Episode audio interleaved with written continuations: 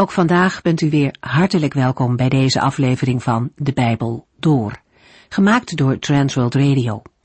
Voor meer informatie kijkt u dan op onze website transworldradio.nl. In deze serie gaat u in vijf jaar tijd met ons de Bijbel door, van Genesis 1 tot en met het laatste vers in Openbaring 22. In onze vorige uitzending maakten we een begin met het boek Prediker. In de Joodse traditie behoort Prediker tot de vijf feestrollen, bijbelboeken die tijdens de vijf grote feesten gelezen worden. Prediker werd ook tijdens het Loofhuttenfeest gelezen. Dat is een feest vol vreugde. En juist tijdens dat feest wordt Prediker gelezen. Dat geeft al aan dat Prediker niet als een grote pessimist moet worden gezien. Hij heeft een vrij zwart-witte manier van zeggen, en dat kan soms negatief overkomen. Maar dat komt ook omdat prediker heeft gezien hoe vluchtig en vergankelijk dit aardse leven is. Veel van de zaken waar wij mensen ons zo druk over maken, zijn op de keper beschouwd ontzettend vluchtig. Prediker realiseerde zich dat, en zijn manier van zeggen lijkt daarom wel eens cynisch. Dan klinkt het alsof het er allemaal eigenlijk niet toe doet. Maar ten diepste is prediker nou juist niet zo'n grote pessimist. Hij maakt de mensen bewust van de kortheid van het leven en dat het daarom belangrijk is goede prioriteiten te stellen. Want uiteindelijk is niets op aarde blijvend. Alleen God is eeuwig. En daarom is het zo belangrijk om in ontzag voor God te leven. En dat leert prediker. Hij is eerder realistisch te noemen dan pessimistisch. Verschillende keren roept hij ons ook op om te genieten van het goede dat God geeft. In die laatste woorden zit ook zijn boodschap. Genieten, maar daarin rekening houden met God. In de inleiding van de vorige keer hebben we duidelijk gesteld dat prediker een boodschap van de Heere vertelt, die in overeenstemming is met de andere wijsheidsliteratuur in de Bijbel. We kijken nog even in vogelvlucht naar de eerste verse van Prediker en lezen vervolgens vandaag uit hoofdstuk 1 tot en met vers 14. In de vorige uitzending hebben we een begin gemaakt met het lezen van het eerste hoofdstuk van het Bijbelboek Prediker. We zagen dat Prediker bestaat uit drie hoofddelen, een proloog en een epiloog, die het boek introduceren en afsluiten, met daartussenin een middendeel waarin de woorden van Coelet zijn opgenomen. De proloog bestaat uit een opschrift, vers 1, het motto van het boek, vers 2, en een openingsgedicht dat kenmerkend is voor de woorden van Coelet, vers 3 tot en met 11. Prediker 1, vers 1. De schrijver van dit boek wordt prediker genoemd. Hij is koning in Jeruzalem en zoon van David. Het opschrift van prediker geeft aan dat het geen volg de woorden bevat van iemand die als Coelet wordt aangeduid. Coelet is geen eigenaam, al lijkt het soms wel zo, omdat op de meeste plaatsen het lidwoord ontbreekt. Maar het is een titel voor iemand die het volk bijeenroept en onderwijzend toespreekt. De nadere omschrijving, hij is koning in Jeruzalem en zoon van David, en de autobiografische beschrijving in Prediker 2 maken duidelijk dat Coelet dezelfde is als koning Salomo. Prediker 1 vers 2 Naar mijn mening is niets van blijvende waarde, alles is zinloos. Direct na het opschrift vinden we het motto van het boek, dat aan het slot weer terugkomt. In de vorige uitzending zagen we dat het woord zinloos een vertaling is van een Hebreeuws woord, dat we het beste kunnen weergeven met de metafoor damp. Afhankelijk van het verband waarin het staat, geeft het de ongrijpbaarheid of de vluchtigheid van iets aan. Daarmee ligt het buiten het bereik van mensen. Het begrip zinloos is dan ook geen algemene uitspraak die getuigt van de zinloosheid van de wereld of het leven, maar accentueert de typering van de eindigheid en beperktheid van een mens. Wij mensen kunnen niet verder kijken dan de grenzen van ons eigen leven. Het is zoals we in Psalm 39 vers 2 lezen. want voor u is mijn leven niet langer dan enkele decimeters. Mijn leven stelt in uw ogen niets voor. Ieder mens is maar een ademtocht. Prediker 1 vers 3 Want wat bereikt de mens met al zijn werken hier op aarde? Het grootste deel van de proloog bestaat uit een openingsgedicht. Het gedicht wordt ingeleid door de vraag wat het voordeel is, dat wil zeggen wat de meerwaarde is van al het gezwoeg dat de mens verricht onder de zon. Met de woorden van vers 3, wat bereikt de mens met al zijn werken hier op aarde? Het gedicht van vers 4 tot en met 11 is een van de drie poëtische stukken in Prediker. De andere zijn Prediker 3 vers 1 tot en met 8 en Prediker 12 vers 2 tot en met 8. Het is opmerkelijk dat de eerste twee poëtische gedeelten worden voorafgegaan, respectievelijk gevolgd, door de vraag wat bereikt de mens of iemand met al zijn werken. Terwijl het laatste gedicht wordt voorafgegaan door de woorden vergeet uw schepper niet. Woorden die in het licht van de epiloog kunnen worden gezien als de conclusie van de zoektocht van Coelet naar levenswijsheid. Eer hem in uw jeugd, voordat de moeilijke jaren aanbreken, waarin u niet meer met volle teugen van het leven geniet. In de Hebreeuwse tekst staat voor het woord werken het woord zwoegen. Met dat zwoegen wordt niet zozeer alle menselijke activiteit als zodanig bedoeld, maar de monotone, telkens terugkerende, moeizame arbeid die een mens moet verrichten. Dit zwoegen is vergelijkbaar met de zich telkens herhalende, monotone processen op aarde, die in het gedicht benoemd worden. Het biedt de eerste aanzet voor een antwoord op de gestelde vraag. Prediker 1 vers 4 Generaties gaan en generaties komen, maar er verandert niets wezenlijks. Het gedicht richt zich op alsmaar repeterende processen, die zich op aarde of onder de zon afspelen. Het eerste voorbeeld daarvan is het gaan en komen van de generaties. In de context van prediker ligt de nadruk vooral op het heengaan van de generaties. Het is dan ook geen toeval dat eerst het gaan en dan pas het komen wordt genoemd. Het gaan en komen van de generaties en daarmee tegelijkertijd van de mens staat in tegenstelling met de aarde zelf die er altijd blijft. Prediker 1 vers 5 tot en met 7 De zon komt op en gaat onder en haast zich rond de aarde om opnieuw op te gaan. De wind blaast vanuit het zuiden en het noorden hier en daar, steeds wisselend van kracht en richting, zonder ooit een doel te bereiken. De rivieren monden uit in de zee, maar de zee raakt nooit vol. Het water keert weer terug naar de rivieren en vloeit weer naar de zee. Vervolgens beschrijft Coelet nog drie andere processen die zich op aarde voortdurend blijven herhalen in een moeitevol zwoegen, zonder dat er wezenlijk iets verandert.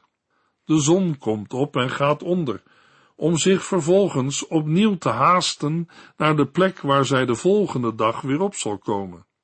Bedoeld is het voortgaan van de zon tijdens de nacht naar het oosten, de plaats van de zonsopgang. De wind draait nu eens naar het zuiden, dan weer naar het noorden, zonder ooit een doel te bereiken. Steeds maar draait de wind weer terug. Alle rivieren stromen naar de zee, maar desondanks raakt de zee niet vol en vloeit het water weer terug naar hun bron. Dat er op aarde niets wezenlijks verandert, heeft ook gevolgen voor de mens.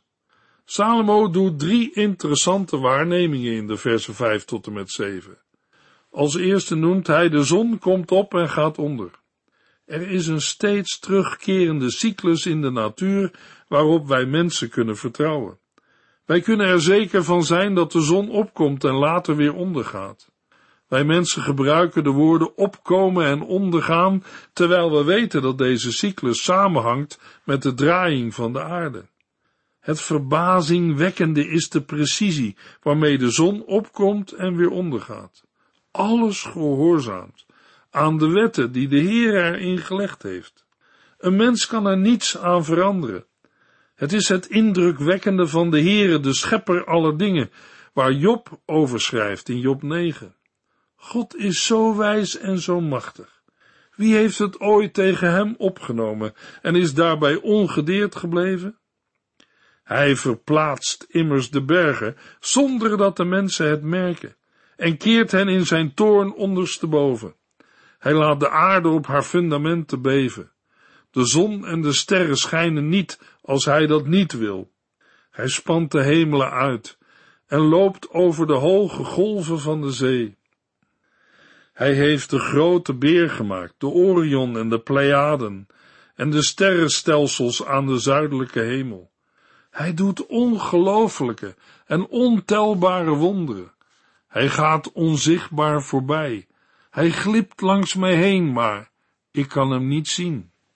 Bij de grootheid van de Heere heeft een nietig mensje niets meer te vertellen. En wij mensen, wij vinden onszelf zo slim, intelligent, verstandig en wijs. Wij weten zoveel en we kunnen bijna alles.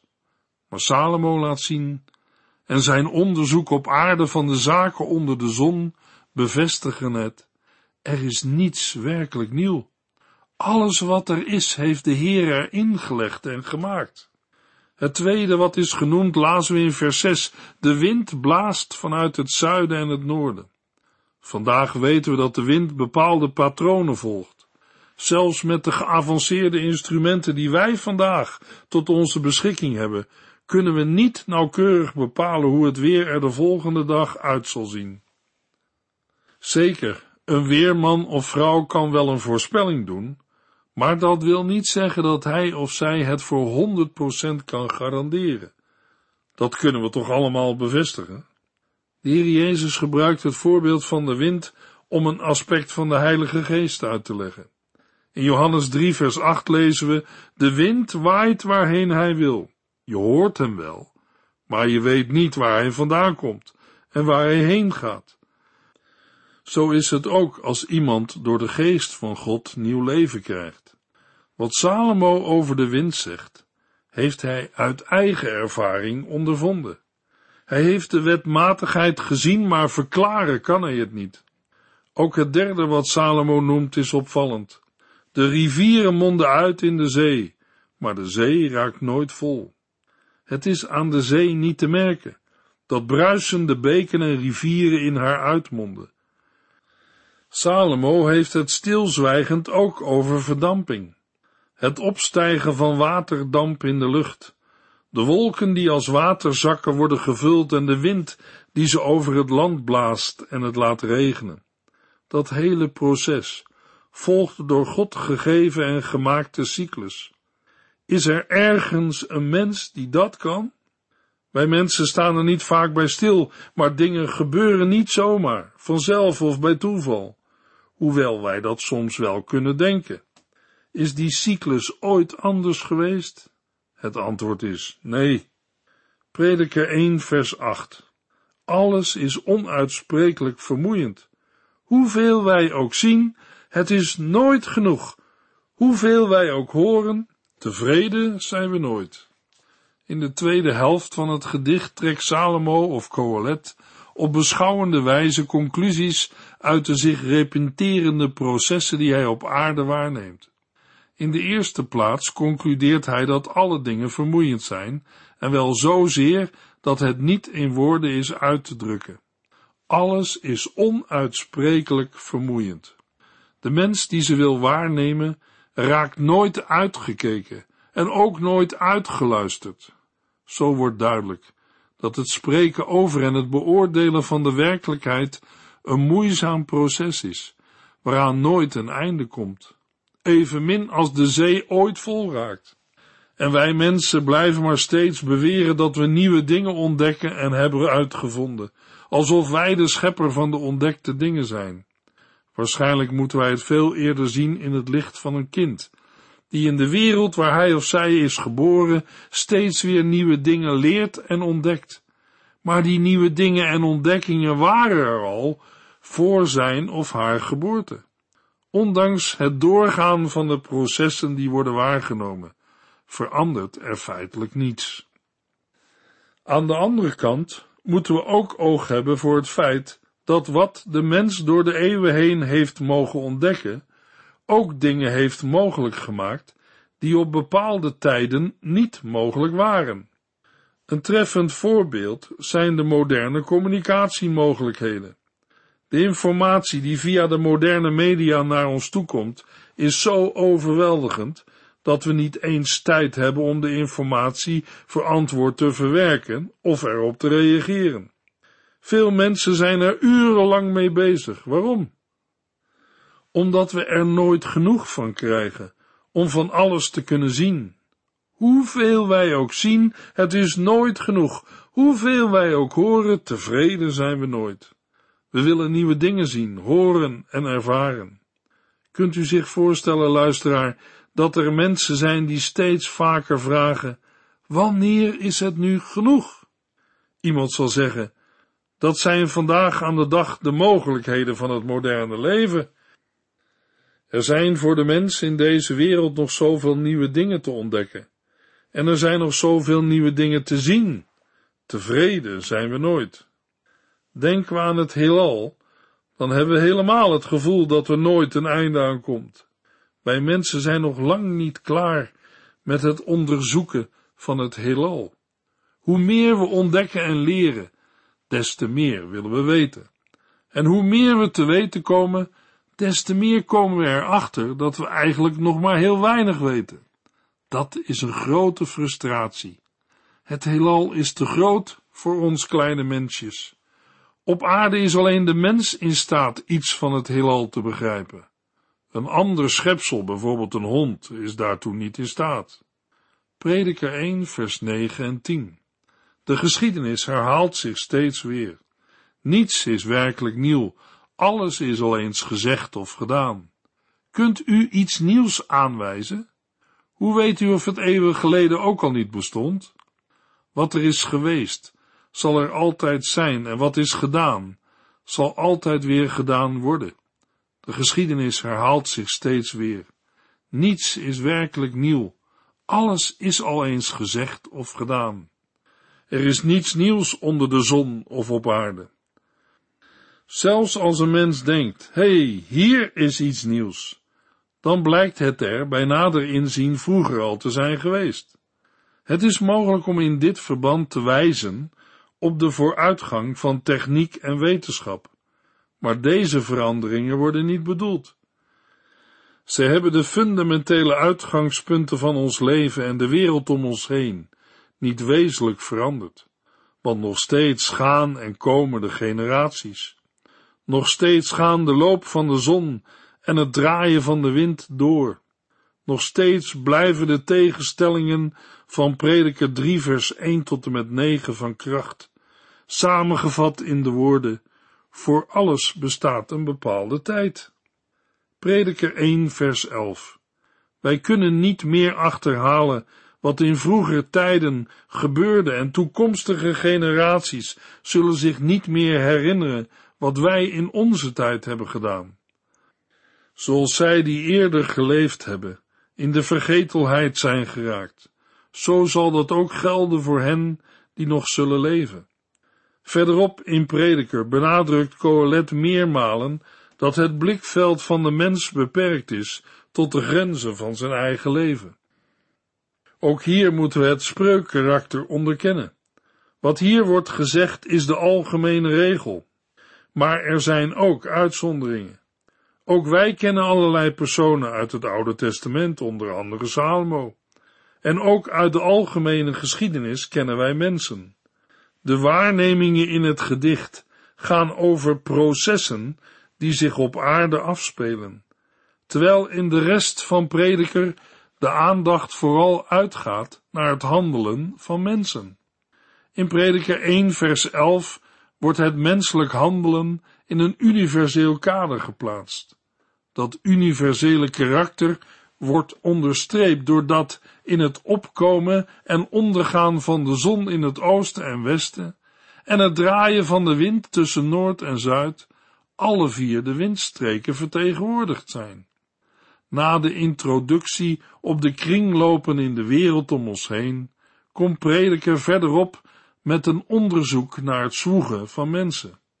Er is in deze wereld veel dat ongrijpbaar is, maar dat maakt het leven nog niet zinloos. Later blijkt dat het goed is als een mens kan genieten van het goede dat hij met zijn werken en zwoegen heeft verzameld. Maar in prediker 1 ligt de nadruk op het vermoeiende karakter van het steeds terugkerende werken en zwoegen, dat uiteindelijk niets nieuws tot stand brengt.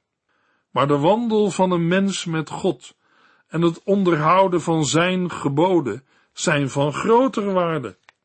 Trouwens, zonder de zon is er geen leven op aarde mogelijk, en water en rivieren zijn eveneens van levensbelang. Coelet onderwijst in de vorm van een masjaal, een taalvorm met prikkelende uitdrukkingen en een zekere mate van overdrijving. Deze taalvorm is bedoeld om mensen na te laten denken en om hen tot bezinning te brengen. Als we dat beseffen, is duidelijk dat mensen in allerlei situaties wel degelijk voordeel kunnen hebben van hun werken en zwoegen. Daarom staat er ook in Prediker de oproep ijverig te zijn en alle mogelijkheden te benutten. In het Nieuwe Testament lezen we in 1 Corinthiërs 15 vers 58. Dus, beste vrienden, sta vast en wees onverzettelijk. Blijf actief voor de Heere. U weet toch dat het werk dat u onder zijn leiding doet, niet voor niets is. Maar in Prediker wordt de nadruk gelegd op de eindeloze processen waarop een mens geen invloed heeft. We kunnen hierbij ook denken aan de uitspraak van Paulus in Romeinen 8 vers 20 en 21, dat de hele schepping onderworpen is aan de vruchteloosheid, aan dood en verval. Maar in Romeinen 8 vers 21 staat dat er uitzicht is. Ook de schepping zal bevrijd worden uit de macht van de dood en verval en dezelfde heerlijke vrijheid krijgen als de kinderen van God. Er is uitzicht op een toekomstige verlossing. Prediker 1 vers 12 en 13 Ik, prediker, was koning van Israël en regeerde vanuit Jeruzalem. Ik nam mij voor de zin van alles wat onder de hemel gebeurde te willen begrijpen. Dat is een vermoeiende bezigheid die God de mens heeft gegeven om hem nederig te maken. Het tweede hoofddeel van Prediker, Prediker 1 vers 12 tot en met 4 vers 16, waarin Coelet of Salomo in de ik-vorm spreekt, begint met een inleiding, waarin hij zichzelf en zijn waarnemingen introduceert. Het tekstgedeelte bestaat na de introductie van vers 12 uit twee parallel opgebouwde delen, vers 13 tot en met 15 en 16 tot en met 18. Beide keren volgt eerst een beschouwing over de beperktheid van het streven naar wijsheid en inzicht, gevolgd door een spreuk die deze conclusie nog eens onderstreept. In vers 12 noemt Coelet zichzelf koning van Israël en hij regeerde vanuit Jeruzalem. De woorden sluiten nauw aan bij de manier waarop hij in vers 1 werd voorgesteld. Uit Prediker 1 vers 1 zowel ook als uit wat Coelet in Prediker 2 over zichzelf zegt, is duidelijk dat Coelet niemand minder is dan koning Salomo, die ook bekend stond om zijn grote wijsheid. Sommige Joodse uitleggers geven bij het koningschap van Salomo aan dat later in Salomo's leven het koningschap van hem is afgenomen. Maar die uitleg is in tegenspraak met 1 Koningen 11 vers 41 tot en met 43. Coelet geeft aan dat hij zich erop heeft toegelegd vanuit zijn wijsheid alles wat onder de hemel gedaan wordt nauwgezet te onderzoeken. Hij zegt, ik nam mij voor de zin van alles wat onder de hemel gebeurde te willen begrijpen. De woorden alles wat onder de hemel gebeurde zijn vooral gericht op het menselijk handelen. in overeenstemming met de manier waarop het begrip wijsheid functioneert. De wijsheid in prediker is niet een abstracte kennis, zoals in de westerse filosofische traditie, maar praktische levenswijsheid, gericht op het menselijk handelen. De uitdrukking onder de hemel is in prediker min of meer synoniem met onder de zon of hier op aarde. Deze uitdrukkingen onderstrepen dat Salomo's waarnemingen niet beperkt blijven tot Israël, maar breder zijn en een wereldwijde scopus hebben. Toch, als Coelet erop terugkijkt, komt hij tot de conclusie dat is een vermoeiende bezigheid die God de mens heeft gegeven om hem nederig te maken. Volgens Salomo heeft de Heere deze bezigheid aan de mensen gegeven om zich ermee te vermoeien. Prediker 1 vers 14 Alle arbeid is een opeenvolging van zinloosheid, het bouwen van luchtkastelen. Immers alles wat onder de hemel gedaan wordt, heeft Coalet waargenomen en hij komt tot de verrassende conclusie dat het niet meer is dan damp of lucht, zinloos en najagen van wind. Met andere woorden, het bouwen van luchtkastelen. Een mens krijgt er geen grip op. Hij kan het niet doorgronden en er geen invloed op uitoefenen. Het ligt buiten het vermogen van een mens. Maar daarover lezen we meer in de volgende uitzending. In Prediker 1, vers 15 tot en met 2, vers 10. U heeft geluisterd naar De Bijbel Door. In het Nederlands vertaald en bewerkt door Transworld Radio. Een programma waarin we in vijf jaar tijd de hele Bijbel doorgaan. Als u wilt reageren op deze uitzending of u heeft vragen, dan kunt u contact met ons opnemen. Tijdens kantooruren kunt u bellen op 0342 47 8432. 0342 47 8432. Ook kunt u een e-mail sturen naar de Bijbel door at transworldradio.nl en natuurlijk kunt u ook via de post ons bereiken. TWR, postbus 371, postcode 3770, AJ in Barneveld. Dit programma werd gepresenteerd door Cor Weda en Ike André. Techniek was in handen van Odin van Voorkom. En wij allemaal bedanken u voor het luisteren. Graag tot de volgende keer.